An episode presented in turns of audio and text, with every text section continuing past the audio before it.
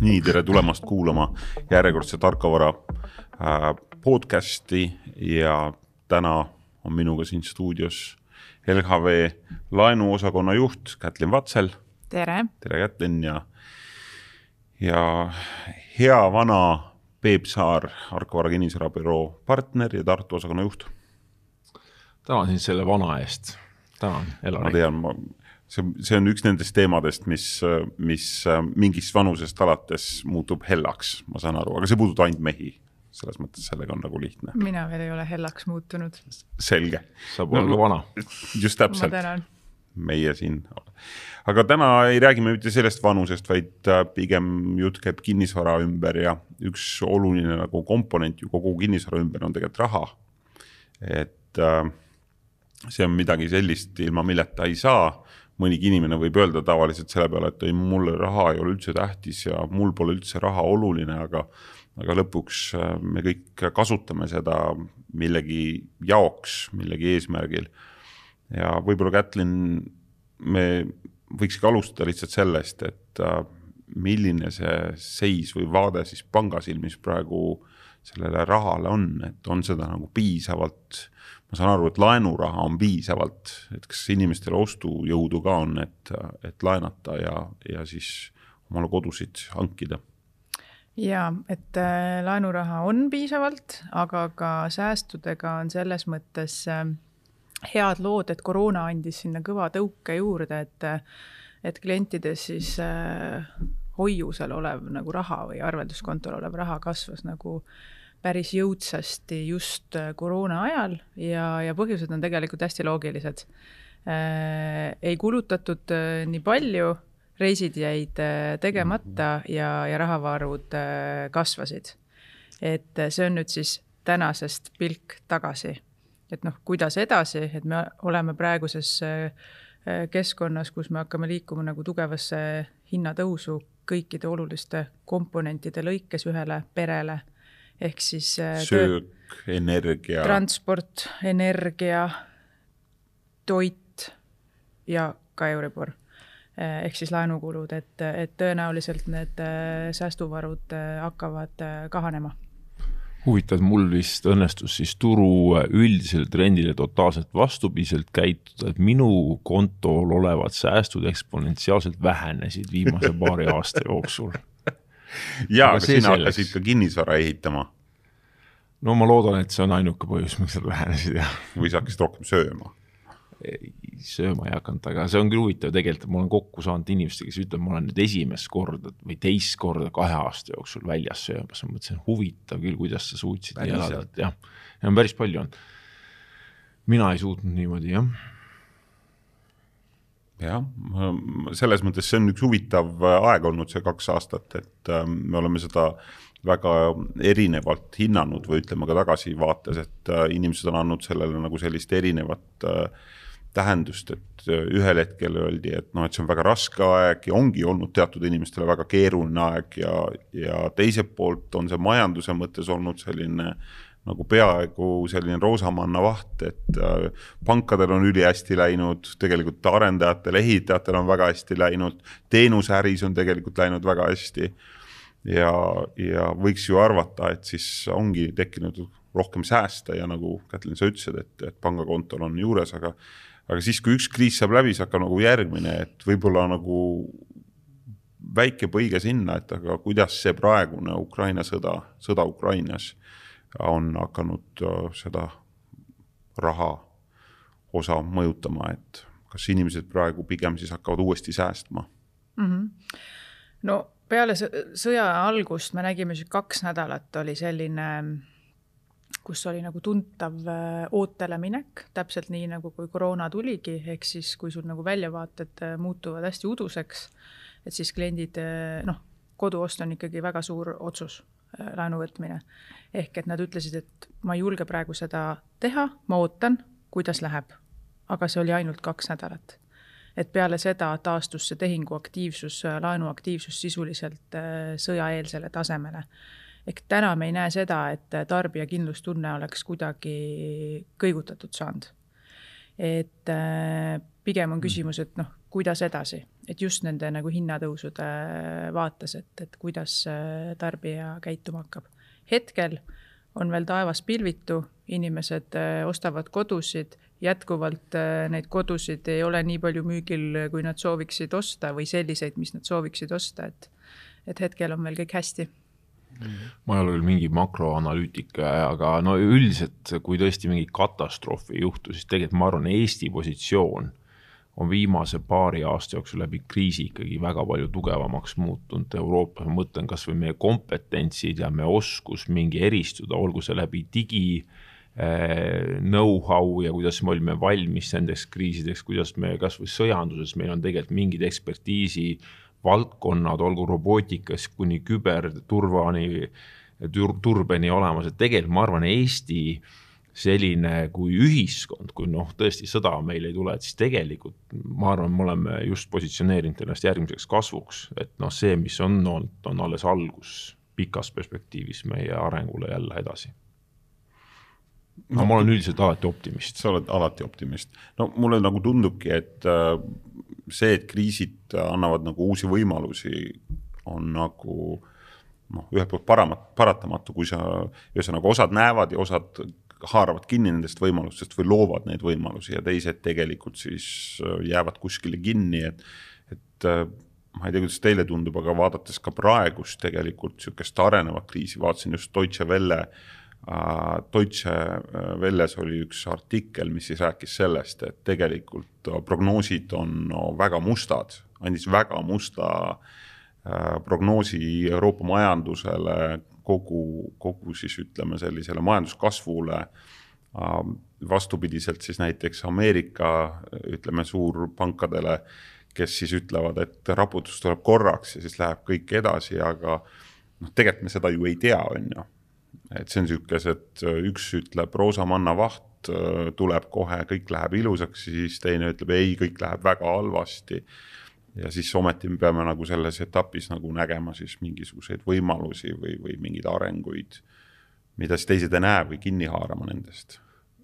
kas, ega sa ei tea juhuslikult, mis on LHV prognoos majanduskasvuks selleks aastaks, ma tean, mis Luminori pangal on, seda ma kuulsin eile, aga ma ei tea, kas LHV-l on ka suht ette. peast ei, ei ütle jah et mina jah. Mis need numbrid praegu on? majanduseksperdiks ennast ei, ei, ei pea ja sellel teemal sõna ei võta. minu arust Luminori e, arvamus oli, et üks protsent majanduskasvu sel aastal ja neli protsenti järgmisel aastal, kakskümmend kolm. et võttes arvesse kõike, mis toimub. see oli vist konservatiivsem. see oli konservatiivsem okay. mm. -hmm noh, see väljendab täpselt analüütikute selliseid ma, ma saan aru, seda me püüame ikkagi ju reaalmajanduse järgi seda vaadata ja ka statistika järgi, lihtsalt numbrite järgi, aga noh, lõpuks eks me siis näe, et kas veri on tänaval või ei ole või et kuidas see, kuidas see majandus on.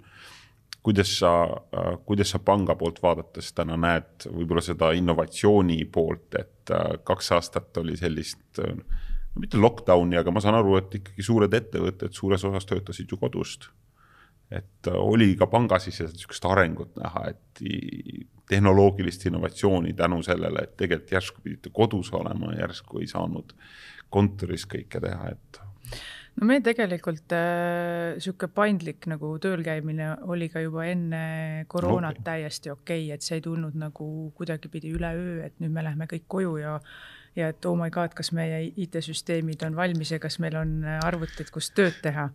aga päris paljudel olid?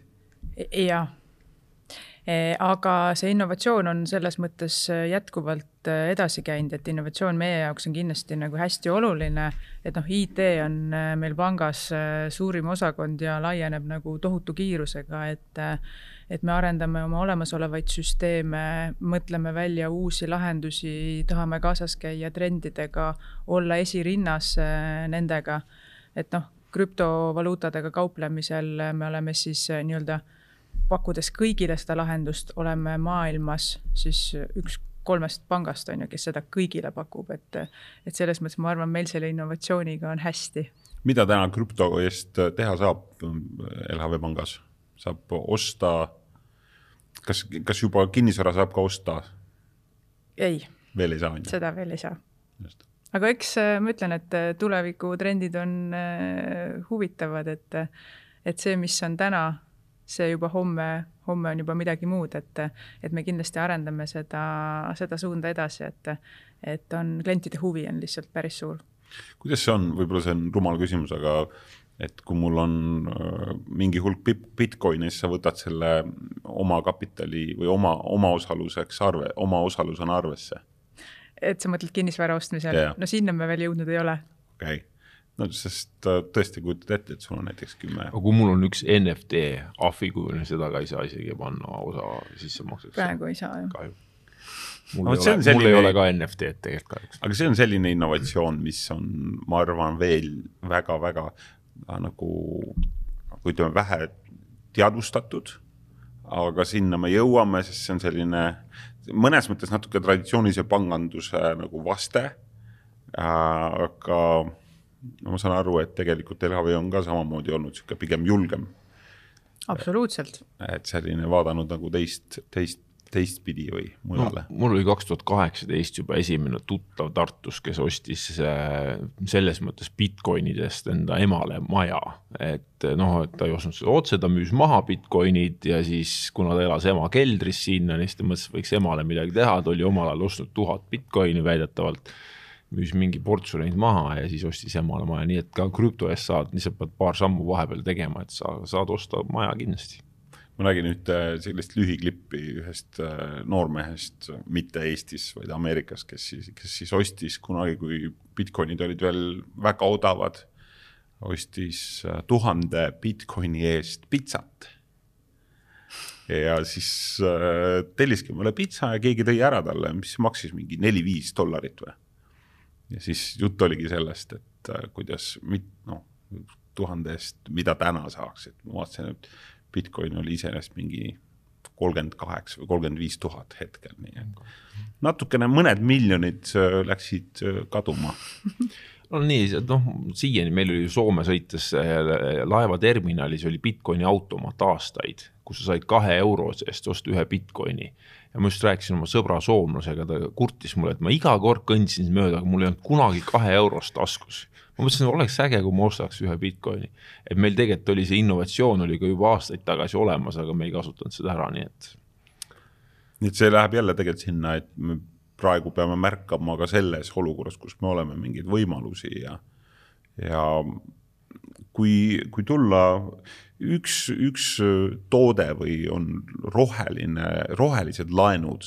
ma olen alati mõelnud, et kuidas saab üks laen roheline olla, et ma saan aru, millised rahakupüürid on rohelised, aga, mida tähendab roheline laen, et kuidas see välja näeb? ja, et noh, tegelikult laen on laen. et seda rohelist seal siis äh, eristab selle laenu sihtotstarve.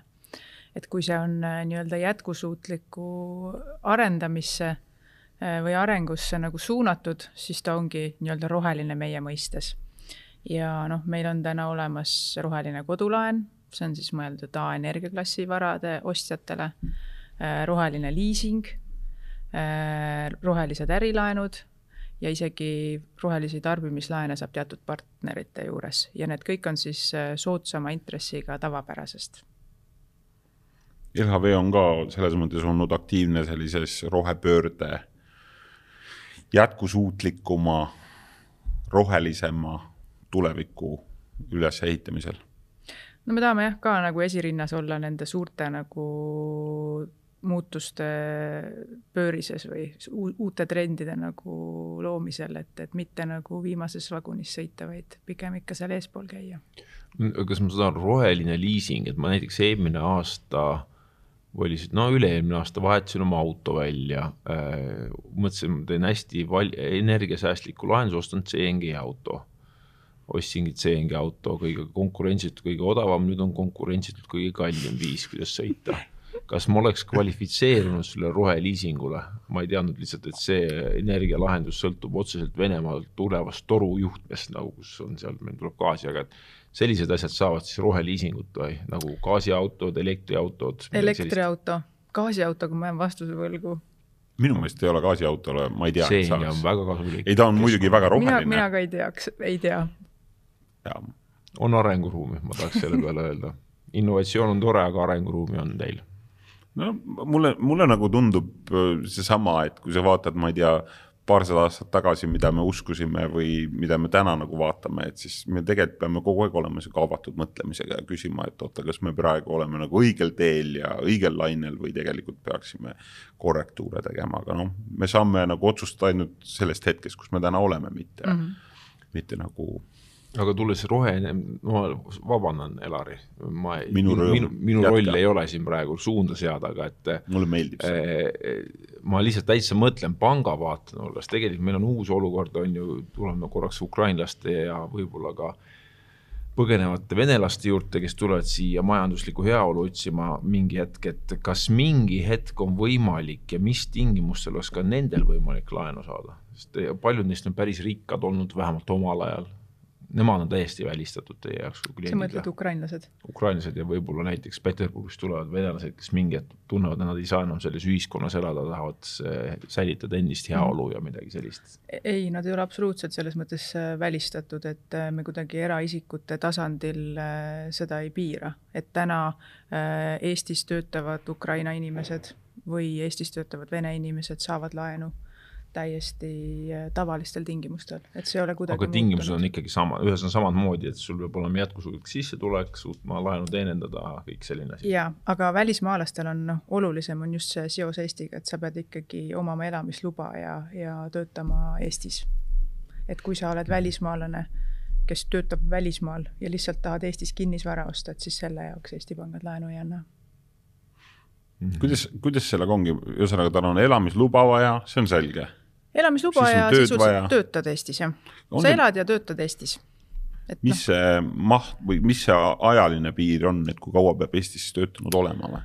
seda meil ei ole, seal on pigem niisugune hästi loogiline nagu elutsükkel, et see inimene, noh, me näeme hästi palju Eesti suurtes IT-ettevõtetes töötab äh, välismaalasi üle Eesti. et nad tulevad siia, nad leiavad endale üürikodud, äh, hakkavad tööle ja siis nad sellise paari-kolme aastaga vaatavad, et tegelikult ma tahaks ennast siduda Eestiga või siis kasvõi mingi aeg, see ei tähenda, et ma pean kolmkümmend mm. aastat ennast siduma. et mingi aeg ma näen, et viis aastat ma töötan Eestis, nüüd ma ostan oma kodu. siis ma müün selle maha, kui ma lahkun ja lähen järgmisse riiki. aga kui rääkida nendest konkreetselt äh, praegustest sõjapõgenikest, et ma kujutan ette, et näiteks kakskümmend neli veebruar hakkas see pihta, nädala aja pärast olid siin ja hakkasid kohe tööd otsima, sai lasteaias, ma ei tea, lasteaiakasvataja koha või koolis õpetaja koha ja siis oletame, et oli kontol veel mingisugune sissemakseks kolmkümmend tuhat eurot ja tuli nüüd panka, ütles, et okei okay,, näe, ma leidsin korteri, tahan osta mm. -hmm. tead, ma millegipärast arvan, et need inimesed äh, ei ole tulnud siia, et jääda, vaid nad tahavad mm ikkagi tagasi minna oma kodumaale ja et nende mõte ja. ei ole nagu, et nad kahe nädalaga, et nüüd ma hakkan ostab ostma. kohe siin korteri. Nad ju ei tunnegi meie riiki ega olustikku ega no mõnel, kas neile mõnd... meeldib või ei meeldi, et. mõndadel olid nagu juba, just nägin ühte intervjuud, et poeg oli siin ja siis tundub tegelikult hästi loogiline jääda siia, sest tegelikult, kui sa oled tegemist oli ka vanema härraga mm. või vanema perega. kindlasti on neid ka, aga enamuses ma pigem arvan, et nende soov on ikkagi koju tagasi no, minna. ehk siis sellisel juhul on erand. aga ta kvalifitseeruks ikkagi, ta saaks sinna. no ta kahe, selles mõttes natukene peab ikka track record'id ka siin okay. Eestis olema ja ta, noh, ma ei tea, kui kaua see elamisloa protsess meil täna aega võtab mm., et meil on lihtsalt äh,, mu ämma aia juures elab üks Ukraina perekond, põgenesid äh, Luhanskist äh, põhimõtteliselt, siis sai alguses ära, jõudsid Eestisse. see, kuidas nad siia välja jõudsid, väärib omaette raamatut, aga, aga kolm last, neil pole kuhugi enam tagasi minna, seda linna enam praktiliselt enam vist sellisel kujul seal nende jaoks ei eksist, nad on viimased aastad elanud keldris seal ka muidugi sõjategevusest ja nii edasi. mees sai nüüd töökoha mingi veebiarendaja on ta, siis ta sai umbes neto palk on kuskil kaks midagi tuhat tal. aga ühesõnaga nemad, et sealt keldrist välja kolida, okei okay,, nad lähevad mingi üürikorterisse, aga selleks, et nemad tahaksid jääda Eestisse mõneks ajaks, siis nemad peavad saama vähemalt siis elamisloa, on ju, läheb mõnda aega enne. tööle minema no töö nad said, ütleme siis, aga ühesõnaga siis paari aasta pärast nad võiksid tulla LHV-sse rääkima siis. tegelikult selle profiiliga, mis sa kirjeldad, on juba aasta pärast täiesti okei okay.. aasta pärast okei okay tulla et selline aastane raam on okei okay.. jah, sest me üldiselt ikkagi IT-ettevõtete välismaalasest töötajate hulgas oleme, ma arvan, populaarseim pank kodulaenu mm. andmisel, et äh, me anname väga headel tingimustel, nende klientide profiilid on väga head, nende sissetulekud on äh, suured, nendel on suured omafinantseeringud, et nad, meile, meile meeldivad nad. sa julged öelda ka, mis intressiga nad saavad kodulaenu? täiesti äh, turuintressiga seal ei ole nagu mingisugust riskimarginaali juures, et nad on välismaalased. ehk siis äh, hea profiiliga IT-poiss tuleb, tahab kodulaenu saada, saab millega LHV-s kätte selle praegu? no vot, seal on natukene komponente veel, aga ütleme nii, et parima kliendi intress algab meil ühe koma seitsmest. et äh, parimad äh, ka välismaalasest kliendid võivad täiesti saada sinna lähedale. see on ülikõva meie eelmises episoodis me tegelikult äh, rääkisimegi sellest, et äh, eluasemelaenu intress on praegu rekordmadal ja pole mitte kunagi olnud nii madal ja see oli kaks koma null kaks. ja kaks tuhat kaheksa oli see, kas see oli kolm pool, oli mhm. keskmine, nii et tegelikult isegi kui me räägime nüüd sellest näiteks, et Euribor tõuseb, ja ma ei tea, ta oli praegu miinus null koma kakskümmend viis tänase päeva seisuga, kui me salvestasime, aga liigub sinna positiivse poole, siis tegelikult isegi kui ta jõuab null koma viieni plusspoolele, ei tohiks midagi väga drastilist juhtuda, ütleme siis laenuvõime teenindamisega jaa, paberi peal äh, ei tohikski, sest et pangad täna on kohustatud äh, kliendi maksevõimet arvutama intressiga kuus. ehk et kui me võtame, et turu keskmine on kaks protsenti, siis sisuliselt neljaprotsendise Euribori tõusuga wow,. ja me kõik wow., me täna juba juba viimased äh, viis aastat ja rohkem arvutame seda. teine küsimus on see, et kuidas klient ise oma pere, pere eelarvet arvestab. tema ju võtab ilmselgelt selle tänase makse ja siis tekivad sinna juurde nagu muud kulud. ehk et noh, siis on näha, kui palju need pered peavad oma nagu elustiili siis muutma. kas peavad millestki loobuma, sest et noh, ma räägin juba alates äh, põhikoolist, kui ma seal õpetamas käin, et äh, oma esimesest sissetulekust pange kümme protsenti kõrvale et ükskõik, kust see raha tuleb, et sa saad vanemate käest äh, kümme eurot, et äh, harjutage sisse see, et pange kümme protsenti kõrvale. ehk et me ei taha, et see kümme protsenti ära kaoks sealt. et see peaks alati tegelikult jääma, ka isegi laenuvõtjatele, et, et kui nad äh, näiteks esimest kodu ostavad, on nüüd no, nii-öelda neile on sisse harjutatud see, et õpime säästma, aga kui nad laenu võtavad et see ei tohiks nagu ära kaduda, eks see eelarve peaks selline olema, et ma suudan seda laenu maksta, aga mul jääb see äh, säästuharjumus sisse.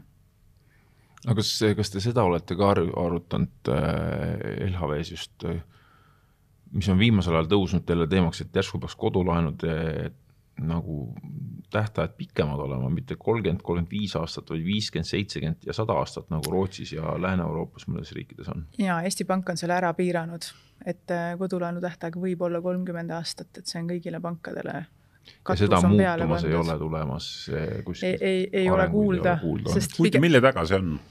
Äh, Eesti Panga reegel ongi. ei, ma mõtlengi, et Aga mille taga see on, jaa. et eelmisest kriisist just see, et, et need laenud nagu amortiseeruks maha ka. Et just, et need kolm põhiasja, mis Eesti Pank kehtestas, et periood võib olla kuni kolmkümmend aastat, kliendil peab olema omafinantseering viisteist protsenti Äh, ja maksevõime ei tohi siis nii-öelda, kohustus ei tohi olla üle viiekümne protsendi, et see on just see, et kui me võtame selle eelmise buumi, siis pangad andsid kohati laenu sada või sada kümme protsenti. laenuperioodid olid kuni nelikümmend aastat. Äh, ja noh, see maksevõimet äh, arvutati siis loominguliselt ehk et, et see oleks nii-öelda see laenu andmine oleks vastutustundlik, et tarbijana alati nii-öelda see nõrgem pool ehk et meie peame nagu nende eest ära mõtlema need sammud, et, et nad ei satuks hätta. no ühesõnaga veel Eesti majandus ja Eesti inimene on nagu suhteliselt noh, ma ei taha, võib-olla kasutaks sõna vaene võrreldes Skandinaaviaga, võrreldes Soome ja Rootsiga ja arusaadav, et seal on ka äh, kui sa võtad Rootsi majanduse kolmsada aastat ilma sõjata riik, kes on saanud nagu põlvkondade kaupa üles ehitada jõukust, no siis ei ole meil tegelikult suurt midagi siin vastu veel panna, et. Üks hetk, mis pani mind see aasta mõtlema nüüd siis viimase kolme-nelja kuu jooksul, oli see hetk, kui ma sain aru, et kui mina teen viimase makse oma kodulaenus, siis ma olen seitsmekümne nelja aastane mees. Ja siis on mul laen makstud kas sa arvad, et sa elad oma kodus kuni seitsmekümne neljanda eluaastani? kes seda teab, vaevalt, vaevalt, aga. ehk tegelikult sa teed selle viimase makse varem? nojah, lihtsalt see mustvalgelt vaatas mul lepingust näkku ja siis ma sain aru, et täitsa lõpp, seitsekümmend neli. aga no vähemalt pikk elu on ees. absoluutselt ja sa elad nii tervislikku elu ka, nii et ja. sul on see see kerge tulema ja pensionile sa niikuinii ei jää. Seda ei näe, näe ette küll jah, et pensionile, inimene on loodud tööd tegema. ma, mina arvan seda, et pension, pensionil mehed muideks hakkavad tihti väga kiiresti kustuma, sest neil kaob elus üks asi, mis neile andis mõtte ära naistest ma ei julge, jah, täpselt, naistest ma ei julge midagi rääkida, aga, aga meeste puhul on küll tihti see. eile üks kolleeg küsiski mu käest, et Elar, et miks on eestlaste vanad inimesed nii vanad? et, et siis filosofeerisime, et vahest on see, et see raske elu ja, ja see, no, see on, on hästi palju muutunud ka tegelikult, eriti vanad olid vanasti inimesed, aga noh, nüüd on aga neist vaatame, on ikka paremaks. tulnud ka tegelikult Täisel. on ju, kui need tänased vanad inimesed. täpselt kes on sündinud seal neljakümnendatel mm -hmm. sõja ajal, väga keerulisi aegu läbi elanud. nii et see on, võib-olla siia, meil on jäänud mõned minutid veel aega, aga võib-olla mõned, mõned asjad, et me saime aru, et selline väga hea klient saab täna äh, intressiga, baasintressiga üks koma seitse alates ja hetkel eluasemelaenu selline keskmine intress üldse Eestis on täna kuskil kaks ja natukene peale uh, mis, mis vanusest, mis on hilisem vanus, kui veel laenu tuleb, tohib küsima tulla, et äh, see oli kolmekümneks aastaks või? Ja et maksimum äh, laenuperiood on kolmkümmend aastat, aga selles mõttes seda hilist vanust ei ole, et lihtsalt me tohime laenu anda, kuni see nii-öelda see viimane piir peab olema seitsekümmend okay. viis ehk et sisuliselt saab ka kuuekümne aastane tulla laenu küsima, lihtsalt tema graafik on siis viieteistaastane. et selles mõttes seda ülemist piiri ei ole ja pigem see sõltub ikka, et kas sul sissetulek on ja ja kas sa jõuad seda laenu maksta, et. no ja täna on selle, et jaksad laenu maksta, seal ongi siis need kõrvalkulud, mis on täna tegemas sihukest suurt hüpet, et et kütuse hind, ma arvan, kõik, kes on võtnud oma kütu-, autol paagi täis, vaatavad, et no huvitav, mis numbrid need on, et et alles, alles see oli, kui sina ütlesid, et sinu CNG auto oli põhimõtteliselt kõige odavam, nüüd on kõige kallim ma käisin ära Tartust Pärnusse edasi-tagasi seitsme euro eest, mõtlesin, see on odavam kui salati ostmine Pärnus, ma mäletan seda. nüüd maksab mul sama sõit umbes kolmkümmend seitse eurot. jõhker. Ja see mõjutab tegelikult siis üldist heaolu ja jõukust selles mõttes, et see võib vähendada just seda nagu ostujõudu. kuhu, kuidas, kuidas täna pank kindlasti annab, finantseerib ka erinevaid arendusi, et arenduste turul me näeme ka täna seda, et äh, arendajad ka nagu ootavad või kuna toorme hind tõuseb, on, on see ehitamine ka kallim, et kuidas täna suhted pangal arendajatega on, et arendajad tulevad, küsivad raha? ikka küsivad, et äh, läbimõeldud äh, arendused saavad alati finantseeringut, et vahet ei ole, mis need ajad on, on kriisid või, või on head ajad, et äh, et see loogika alati töötab. et lihtsalt, mida me mida me nende eraklientide puhul näeme, et mida kliendid räägivad, ongi see, et kus arendajad siis kaaluvad, et kas äh, näiteks panna lõpphind sõltuvusse ehitushinna indeksist mm. või äh,, või nad nii-öelda tühistavad broneerimislepinguid ja ütlevad, uus hind on see. et siin me oleme pigem nagu sellel seisukohal, et, et Eesti turg on nagu niivõrd väike, et oluline on ikkagi oma sõna pidada, et noh, kui arendaja tuleb panka meie käest laenu võtab, siis ta ju eeldab, et me oma sõna peame, ehk et me ei tule ju ütlema, et meie sisendite hinnad kallinesid, et nüüd teie intress poole Maksa pealt on midagi jah. teist mm. -hmm. Ehk et ma ise arvan, et kui me nii-öelda sellest praegusest olust läbi saame, oleme selles äh, uues tõusus, siis äh, edumaa saavad need, kes siis äh, on käitunud nii-öelda siis õiglaselt klientidega. Aga tahad öelda siis näiteks, kui meie Elariga otsustame peale tänast podcast'i teha OÜ Tammsaar, me pole enne midagi aru, arendanud, aga tahame tulla sinu juurde arendusprojektiga, mille me oleme enda arvates läbi mõelnud, meil on ka näiteks ette eelbroneeringud, ütleme kahekümne viie või kolmekümne protsendi ulatuses, samas meil eelnev ajalugu puudub arendajatena, kas me saaksime laenu? Startupid üldiselt äh, panga finantseering ei ole see, kust nagu startup idega alustada, et äh, selle nii-öelda riskitase startup'il on panga jaoks nagu väga kõrge. ehk et eh, peab olema ikkagi ette näidata referentsid. teine lugu on see, et kui te teete uue ettevõtte, aga teil on vana, toimiv, tugev ettevõte olemas, siis selle garantiiga kindlasti saame midagi välja mõelda. absoluutselt ja meie kinnisvarabüroo on juba üle kolmekümne aasta või? ehk meil on lootust. meil on lootust, suurepärane uh, meil on veel mõni minut jäänud, mul, kuna kogu laenuturg ja kinnisvaraturg on suures osas seotud sellise nagu kindlustundega, et inimestel ja see on selline nähtamatu, aga kõigile tajutav. Kas sa võtad poest selle ekstra, ma ei tea, purgi või mingisugune ekstra toidu või mõtled, ei, ma seekord ei võta. kas, kas kuidas panga vaatest praegu tundub, et kas see prognoos on pigem ikkagi selline, et inimesed hakkavad rohkem kaaluma oma ostuotsuseid ja, ja sügavamalt, mitte et nad siiani ei oleks teinud, aga ka panga poolt vaadates, et pank tegelikult hakkab tegema neid otsuseid veel konservatiivsemalt? Seda ma ei näe, et me hakkaksime oluliselt konservatiivsemalt tegema, et äh, meie südameasi on pigem äh, inimesteni jõuda, et, et selle finantskirjaoskusega ehk et mõelge läbi need äh, plaan B-d, et kui teie kulud peaksid tõusma nii ja nii palju, et kuidas te neid tasute. et hästi ratsionaalselt talupoja tarkusega saab kenasti hakkama ja, ja noh, õnneks eestlastele on seda talupoja tarkust ka antud. et lihtsalt need on need teemad, millest me räägime avalikult kõvasti, et, et inimesi rohkem nagu mõtlema ja arvutama ja analüüsima panna Teil võiks olla seal internetipangas see eelarve äpp ka, minu meelest see on natuke veel, see on puudu veel, aga see oleks väga küll ta tuleb. tuleb jah, selge, võtame sõnast. kas LHV kedagi kardab ka, noh, Coopi või, või Bigbanki või Luminori või? kui ähm, väga hea nagu, küsimus, Peep.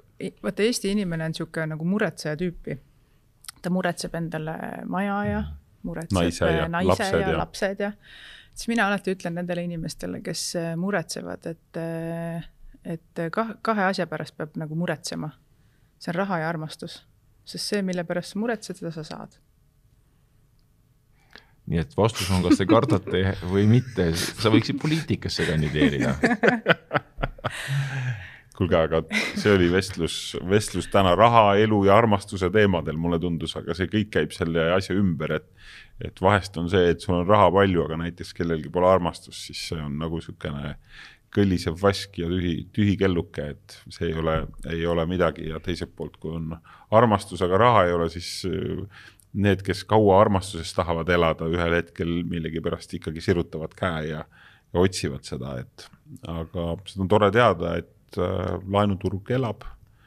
LHV annab laenu, kliendid tahavad osta nüüd loodame, et me suudame ka arendada ja ehitada, et see on nüüd siis järgmine väljakutse, aga suur tänu, Kätlin, sulle ja edu. aitäh kutsumast. edu, edu elus ja äris ja. armastuses. ja armastuses. ma väga tänan, seda edu on alati vaja. super